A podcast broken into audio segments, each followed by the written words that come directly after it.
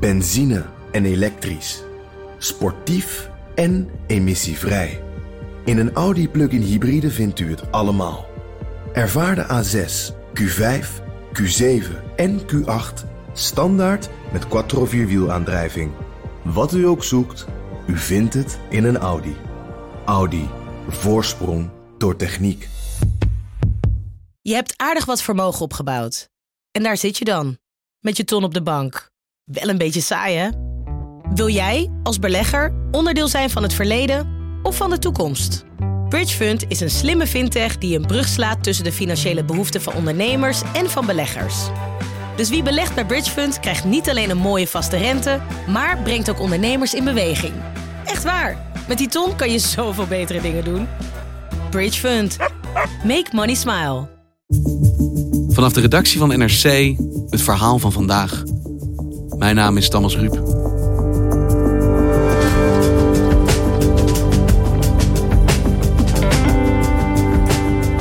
Tot juli waren er in heel Zeeland niet meer dan een handjevol coronabesmettingen per dag. Maar begin deze maand was Goes opeens een brandhaard. Zeeland werd zo een testcase voor heel Nederland. Hoe goed werkt ons beleid bij een uitbraak?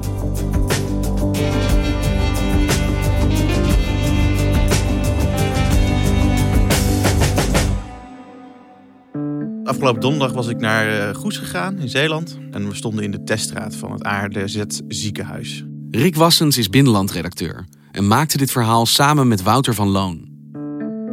Hier bij de teststraat in Goes is het topdrukte. Er is zelfs een extra rij geopend. Ik kom van Walcheren en ik heb uh, lichte verkoudheidsklachten. Ik denk dat het besef er nog steeds niet is bij jongeren. Dat ze drager kunnen zijn zonder symptomen. En dan denk ik, ja, hoe dom kan je nou toch wezen, hè?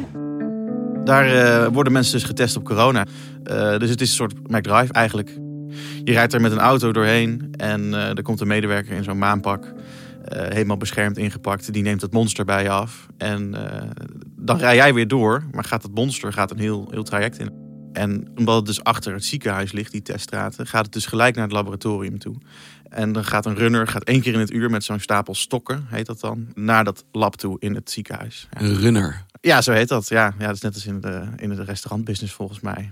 Net als met hamburgers, maar nu met uh, besmette ja, snot eigenlijk. Uh, gaat hij naar het laboratorium toe. Hier hebben ze het heel druk. Dus hier komen echt, nou ja, hier komen ze echt letterlijk per honderden uh, stokken binnen. En we werden daar rondgeleid door uh, arts-microbioloog Bas Wintermans van het ARDZ. Die gaat ze daar aan het invoeren. Ja. En uh, stickers plakken. Dit is, ja, kost heel veel tijd. Zoals je ziet staan hier drie mensen te zoeken om dat uh, ja. voor elkaar te krijgen. En die staan er eigenlijk, die beginnen s ochtends vroeg om acht uur en die werken door tot half negen. Zijn we hier dit aan het doen. En hoe lang duurt het vervolgens voor die testen verwerkt zijn? In Goes gaat het redelijk snel. Uh, dat gaat uh, binnen 7 uur, 95% van de, van de uitslagen. Afgelopen week uh, was dat het geval. Ja. Hier staan onze moleculaire analyzers. En dit is een apparaat waar we eigenlijk de bulk op wegdraaien. Die kan er ongeveer nou ja, 800 per dag als het gewet is. Dus die, die snelheid die op dat proces zit, waardoor het zo gehaast is met, met runners en zo, is omdat het gewoon heel belangrijk is om snel zicht te krijgen op waar die nieuwe besmettingen zitten. Als die mensen eerder in beeld zijn, hoe eerder die mensen in beeld zijn van de GGD, hoe sneller zij ervoor kunnen zorgen dat die mensen zichzelf isoleren, waardoor het virus ook niet via hun nog een keer verspreidt. Dus dat, is, dat moet heel snel gaan in het begin. Hey, en waarom ga je voor dit verhaal naar Goes? Waarom daar? In Goes nam daar sinds begin deze maand nam het aantal besmettingen toe. Sinds 1 juli kwamen er in Goes 50 besmettingen bij. En in heel Zeeland zijn dat er deze maand 63. De directeur publieke gezondheid, Marco Weda van de GGD Zeeland, die, ja, die zag dus in het begin die besmettingen oplopen. In het begin waren er al terecht een paar meer, hè? dus zeg maar drie, vier of vijf, mm. wisselde een beetje per dag. Uh, en op een gegeven moment werd dat nog wat meer. Ja. Nou, volgens mij een piek van, uh, ik dacht 20 op één dag. Genoeg om alarmbellen te laten afgaan daar. Ja, en op 14 juli waarschuwt de GGD er dan voor. En die stuurt dan een bericht de wereld in van... hé, hey, pas op, het neemt hier toe en het, uh, ja, dat is spannend. En ik dacht met mijn collega Wouter van Loon... er zijn nu clustertjes over het land heen. En wat gebeurt er nou als die clusters van coronabesmettingen uitgroeien tot brandhaartjes? En eigenlijk wilden we alle hoofdrolspelers in dat, in dat proces even spreken. In dat proces van bestrijding daartegen. Dat is nu het idee. Is zo'n brandhaartje hebben we in beeld. Dan gaan we het uitstampen. En eigenlijk is het wat je in groeps dus ziet een soort van mal voor al die andere kleine klussetjes. Als die verder groter groeien, is het interessant om te kijken hoe daarop gereageerd wordt. Dat zegt iets over hoe we daar om mee kunnen gaan. En wat ondernemen ze in Goes op het moment dat ze die stijging van het aantal gevallen waarnemen? De overheden zitten nog steeds elke dag te overleggen daarover. En op een gegeven moment komt dus ter sprake van hé, hey, we zien hier het de verkeerde kant op gaan. En wat ze dan doen is heel erg inzetten op het bron- en contactonderzoek. En door dat bron- en contactonderzoek eh, hoopt de GGD zicht te krijgen op waar het virus nou vandaan komt en hoe het zich verspreid heeft. En weten ze te herleiden waar deze uitbraakjes begonnen zijn. Ja, en dat is ook wat Goes interessant maakt. Omdat ze als vrij snel zeggen... we hebben dit kunnen herleiden tot twee privéfeestjes. Wat je bron- en contactonderzoek doet... kom je dan in dit geval steeds op een paar privéfeestjes uit. En nou, zie je langzaam van, hé, hey, daar zit in ieder geval, eh, daar lijkt de bron te zitten. Ze weten dus uit dat bron- en contactonderzoek dat jongeren de issue zijn hier. Dus dat geeft zo'n veiligheidsregio een soort van perspectief wat ze kunnen doen om ervoor te zorgen dat het virus zich niet verder verspreidt vertelde ook de vicevoorzitter van de veiligheidsregio. Bijvoorbeeld de communicatie richting de doelgroepen, dus bijvoorbeeld richting jongeren, is opgevoerd. Naar aanleiding van dit incident. Ook mede naar aanleiding van dit incident. Uh, dus dat heel nadrukkelijk de kanalen zijn gezocht om die doelgroepen te bereiken. En een van die dingen die ze dan kunnen doen, omdat het om jongeren gaat, is via social media campagnes verspreiden, Instagram, Facebook, van laat je testen. Ga die teststraat in. Dat is de volgende stap, een oproep. Ja, een oproep, ja. En heeft die oproep effect? Gelukkig uh, horen we ook dat uh, Goesenaren dat ook nu echt doen. En ook anderen uiteraard. Ze zeggen van wel, ja. En je ziet ook in die weken dat het aantal testen, zeker sinds 14 juli, toe is genomen, verdubbeld is van 300 per dag naar 600 per dag. En er zitten natuurlijk veel meer factoren in die meespelen. Hè? Wat gaat mensen zo'n teststraat induwen? Dat is angst. Dus dat is, zit in persconferenties, dat zit in persberichten, dat zit in, uh, ik zie weer meer mensen met een mondkapje op straat. En dat zit misschien ook wel in zo'n communicatieuiting van zo'n veiligheidsregio. Maar hoe klein de klachten ook zijn, ga je laten testen. Uh, want dat is belangrijk in deze fase. En dat heeft dus die teststraat, dat laboratorium waar we waren, heeft, uh, heeft het erg druk daarmee. Maar meer testen betekent vast ook meer positieve uitslagen. Dat betekent ook dat er meer van die contactonderzoeken moeten worden uitgevoerd. Ja, ja, voor elke positieve test moet een GGD een bron- en contactonderzoek opstarten. Redden ze dat in Goes op dat moment? Op een gegeven moment niet meer. Voor dat bron- en contactonderzoek heb je gewoon heel veel mensen nodig. En ze hebben dus elf mensen daar in dienst die dat bron- en contactonderzoek doen. En dat kost uh, een acht uur per case. Dus per positief geteste patiënt is een GGD'er daar acht uur mee bezig. En in Goes lukt, lukt dat op een gegeven moment niet meer. Dus dan moet er hulp van buitenaf komen. Van die GGD GOR heet dat dan. Dat is dan de overkoepelende landelijke GGD. Die hebben een soort van pool van vliegende keeps. Die kunnen helpen met het bron- en contactonderzoek. Dus op een gegeven moment gaan er van die pool gaan er dus acht mensen naar Goes. En lukt het ze in Goes om deze brandhaard, deze uitbraakjes onder controle te krijgen? Ze zeggen dus van wel. Hè. Het is, dus uit de cijfers blijkt het ook. Hè. Het stabiliseert. Dus het aantal bezettingen neemt niet verder toe. Natuurlijk uh, is het nog best wel vroeg. Hè? Je weet niet hoe het gaat. En je ziet ook dat dit het eerste fase is van zo'n ziektebestrijding. Eerst krijgen ze druk bij de GGD en bij de teststraten. En dan pas later komen de eerste patiënten op een intensive care binnen. En blijft het bij die testen, bij dat contactonderzoek? Of worden er op dit moment, als die uitbraken in Goes plaatsvinden, ook meer maatregelen genomen? Nou, omdat ze dus via dat bron- en contactonderzoek zicht hebben op waar het virus vandaan komt, waren er waren extra maatregelen nog niet nodig. We hebben tot nu toe steeds gezegd, en, en ik denk ook dat de aantallen dat rechtvaardigen, dat wij niet naar extra maatregelen gaan op dit moment. Nou ja, landelijk is de reactie altijd op uitbraken geweest. Lockdown, het sluiten van drukke plekken, uh, het in de gaten houden van de drukte. En dat is niet per se wat er dus daar gebeurt in reactie op deze uitbraken. Nee, want je doet dat alleen maar, die maatregelen die jij net zei, als je niet meer weet waar het virus vandaan komt. Dan moet iedereen maatregelen nemen, bij wijze van spreken. Als je denkt te weten waar het virus is, kan je gerichter maatregelen nemen tegen die, tegen die jongeren in dit geval, door ze die teststraten in te jagen.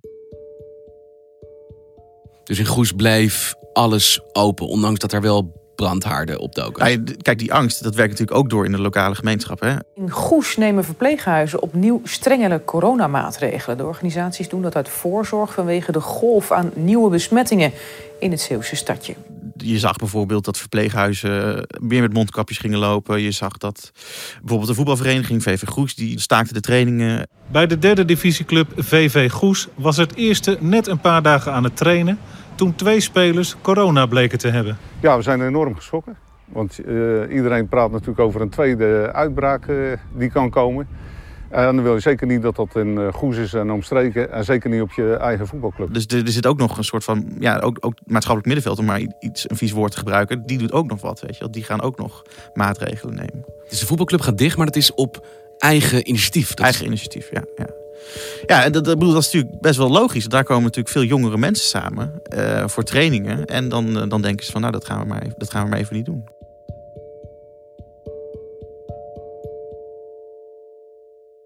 Want je bent in Goes omdat daar spannend werd. Uh, en tegelijkertijd worden er geen extra maatregelen genomen. Terwijl we vorige week ook hebben gezien dat er een landelijke oproep van artsen kwam om juist meer te doen, gericht aan minister Hugo de Jonge. Weet u nog dat het kabinet zei dat het advies van de wetenschap heilig was? Nou, dat zullen ze weten. In een vertrouwelijke brief zeggen experts dat Nederland nog dit weekend mondkapjes moet verplichten. En nog veel meer. Ja, in, in de ogen van die wetenschappers, hè, die dus uh, de taak hebben gekregen van het ministerie om dus de reactie op de eerste golf te evalueren, zeg maar. Die zeggen nu al van ja, we staan nu weer aan het begin misschien wel van iets nieuws. Dus we moeten sneller maatregelen nemen. En daarom komen vier top-experts, niet zoals minister De Jonge hem vroeg ergens in augustus, maar nu al met hun advies. En wat voor advies? Nederland moet binnen drie dagen ingrijpen, want anders is de kans groot dat het met het coronavirus weer helemaal misgaat. Om juist nu het nog beheersbaar is, zeggen zij, uh, verder de kop in te drukken. Maar dat is niet gebeurd. Die maatregelen zijn in Goes niet gekomen, maar ook landelijk natuurlijk niet. Nee, je hoorde het Grapperhaus woensdag zeggen. Er is op dit moment geen reden voor strengere maatregelen. Maar dit is wel een overduidelijk teken dat we ons allemaal beter aan de basisregels moeten houden. Dat heeft ook weer te maken met wat, dat, wat ik net zei. Van, om, omdat het bron- en contactonderzoek nu is en, en goed uh, lijkt te gaan, weten ze dus waar het vandaan komt. Dan heb je dus overkoepelende maatregelen nog niet nodig, is het idee. Maar dat is dan de voorwaarde. Op het moment dat je dat bron- en contactonderzoek goed kan uitvoeren, is het niet nodig. Ja. Alleen de vraag die de situatie die jij beschrijft in Goes oproept, is hoe lang kan je deze methode blijven toepassen? Hoeveel moet het aantal besmettingen toenemen voordat je dat simpelweg niet meer redt? In Goes kwamen ze er al net niet uit. Het is een soort catch-22. Je kan het blijven doen zolang je het kan blijven doen of zo. Dus dat is ook het vreemde daaraan. En iedereen voelt natuurlijk aan dat het, dat het niet iets is wat schaalbaar is. Of zo. Je hebt een leger aan mensen nodig om dit op grote schaal te doen. Maar volgens mij kom je op een gegeven moment dan in de andere fase van de ziektebestrijding. Dat je gewoon zegt, wij weten niet meer waar het vandaan komt. En dan zijn die overkoepelende maatregelen opeens wel iets wat je kan overwegen. En waar ligt die grens? Hoeveel moet het aantal besmettingen oplopen voordat bron- en contactonderzoek simpelweg niet meer uitvoerbaar is? Wat is daarvoor het protocol? Dat weet ik eigenlijk niet. Dat, uh, volgens mij is dat er niet. Het is er niet. Nee, ik heb het, uh, ik heb ze, we hebben er ook wel naar gevraagd. Wanneer schakel je dat dan in? Hè, uh, is daar een soort van streefdrempel, drempelwaarde voor of zo? Zoals, zoals jij ook, ja, zoals ik ook dacht. Maar dat, dat gaat eigenlijk gewoon op, op basis van, uh, van de stand van de dag. En als daar meer mensen voor nodig is, dan, dan halen ze daar meer mensen bij. Dat is hoe ze er naar kijken. Ze voelen ook gewoon wel aan. Hè. Het, het dreigt verkeerd te blijven gaan. Want als je een dag vijf hebt en een dag erna acht. Als je dan de dag erna 18 hebt of nou, je, je, voelt dan dat die trend omhoog is aan het gaan. Dus dan kan je al gaan uh, schakelen natuurlijk met die landelijke GGD. Maar er is geen protocol, zeg jij. Er is geen grens vastgesteld tot waar het aantal besmettingen houdbaar is en tot waar er meer maatregelen moeten komen. Nee, dat is ook vreemd. Want ik bedoel, er zijn ook andere dingen. Maar in Duitsland heb je bijvoorbeeld daar gaan regio's op rood en op geel en dan schuiven ze met kleuren als het aantal besmettingen per 100.000 oploopt. Wij hebben dat eigenlijk niet. En dat zorgt ook gewoon voor heel veel rare, rare dingen eigenlijk. Je ziet nou in Rotterdam is het dan 49 besmettingen. En dan zeggen we allemaal van, oh, is dat, is dat veel? Is dat weinig? Ik weet het eigenlijk ook niet. Maar er is niet echt een duidelijke signaalwaarde voor of zo. Dat is, uh, dat, dat is wat die cijfers zo ingewikkeld maakt. Of spannend maakt, denk ik, voor mensen. En als het dus niet het ontwikkelen van zo'n protocol is, wat is dan op dit moment de strategie waar Nederland op inzet? Ja, dus de strategie is nu opschalen van alles een beetje. Hè? En dan vooral die dat testen. Dat moet op korte termijn moet het naar 70.000 per dag landelijk kunnen gaan. Dat is het doel wat nu gesteld is. Elke dag 70.000 mensen kunnen testen. Ja, ja. en uh, dat is best wel veel. En met wat jullie in Goes gezien hebben, hebben jullie het gevoel dat de methode Goes zoals die daar werd toegepast, gaat werken? Ook als er landelijk meer van dit soort haarden gaan opduiken? Ik denk dat die teststraten, dat, dat is denk ik niet het probleem. Je wil natuurlijk dat mensen snel terecht kunnen en dat kan niet altijd dat fluctueert gewoon heel erg. Dus je kan niet, soms niet binnen 24 uur terecht. Ja, dat is vervelend, maar dat, ja, volgens mij is dat niet anders. Het hele proces is gewoon best wel schaalbaar. En, die man van het laboratorium in Zeeland maakte zich daar ook, ook niet veel zorgen. Hè. Ze kunnen gewoon wel een nieuwe teststraat oplijnen. Er komt er in Zierikzee was er een en die gaat dan van drie dagen per week open naar vijf dagen per week. Uh, er komt er in Vlissingen komt er een bij. Het spannende, wat vindt hij, uh, is, ligt in die corona-testkits. Dus het is niet zo dat je, dat je daar maar, dat, daar heb je geen onbeperkte voorraad van of zo. Voor het diagnosemiddel, zeg maar, waarmee je dus kan laten zien van oké, hier zit dus in deze, dit monster zit virus. Dus het obstakel ligt niet zozeer in de apparatuur en ook misschien in eerste instantie niet in de mankracht, maar gewoon puur in het feit hoeveel testen er beschikbaar zijn. Ja, en na dat uitbraakje zag, zag je dus ook dat hij op zijn buffertje aan het intieren was. Omdat het schaarse goed zijn. Ja, coronatest hartstikke belangrijk. Dat is wel duidelijk. Dus dat wordt landelijk ook verdeeld door een coördinatiepunt. En daar ga je elke maand gaan ze in onderhandeling van oké, hoeveel uh, heb je er nodig vandaag? Per laboratorium wordt het per maand opnieuw verdeeld. dus hij heeft echt wel weer nodig dat het landelijk uh, coördinatiepunt weer met meer coronatesten uh, over de brug komt. En die komen uit het buitenland. Dus dat is een onzekere factor. Maar zolang je coronatestkits hebt, kan je gewoon blijven doortesten. Dus dat, volgens mij is dat, is dat goed. Hebben ze ook in Goes laten zien dat dat gewoon op, op orde is. Ik denk dat het vooral laat zien hoe belangrijk is dus dat je dat bron- en contactonderzoek goed kan regelen.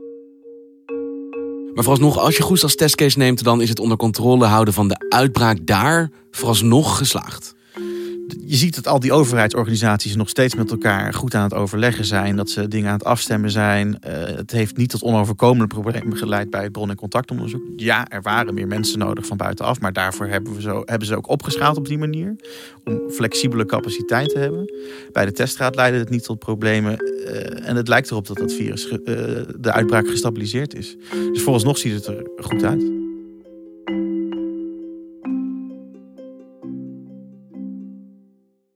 Dankjewel, Rick. Geen probleem, Thomas. Je luisterde naar vandaag, een podcast van NRC. Eén verhaal, elke dag. Dit was vandaag, morgen weer.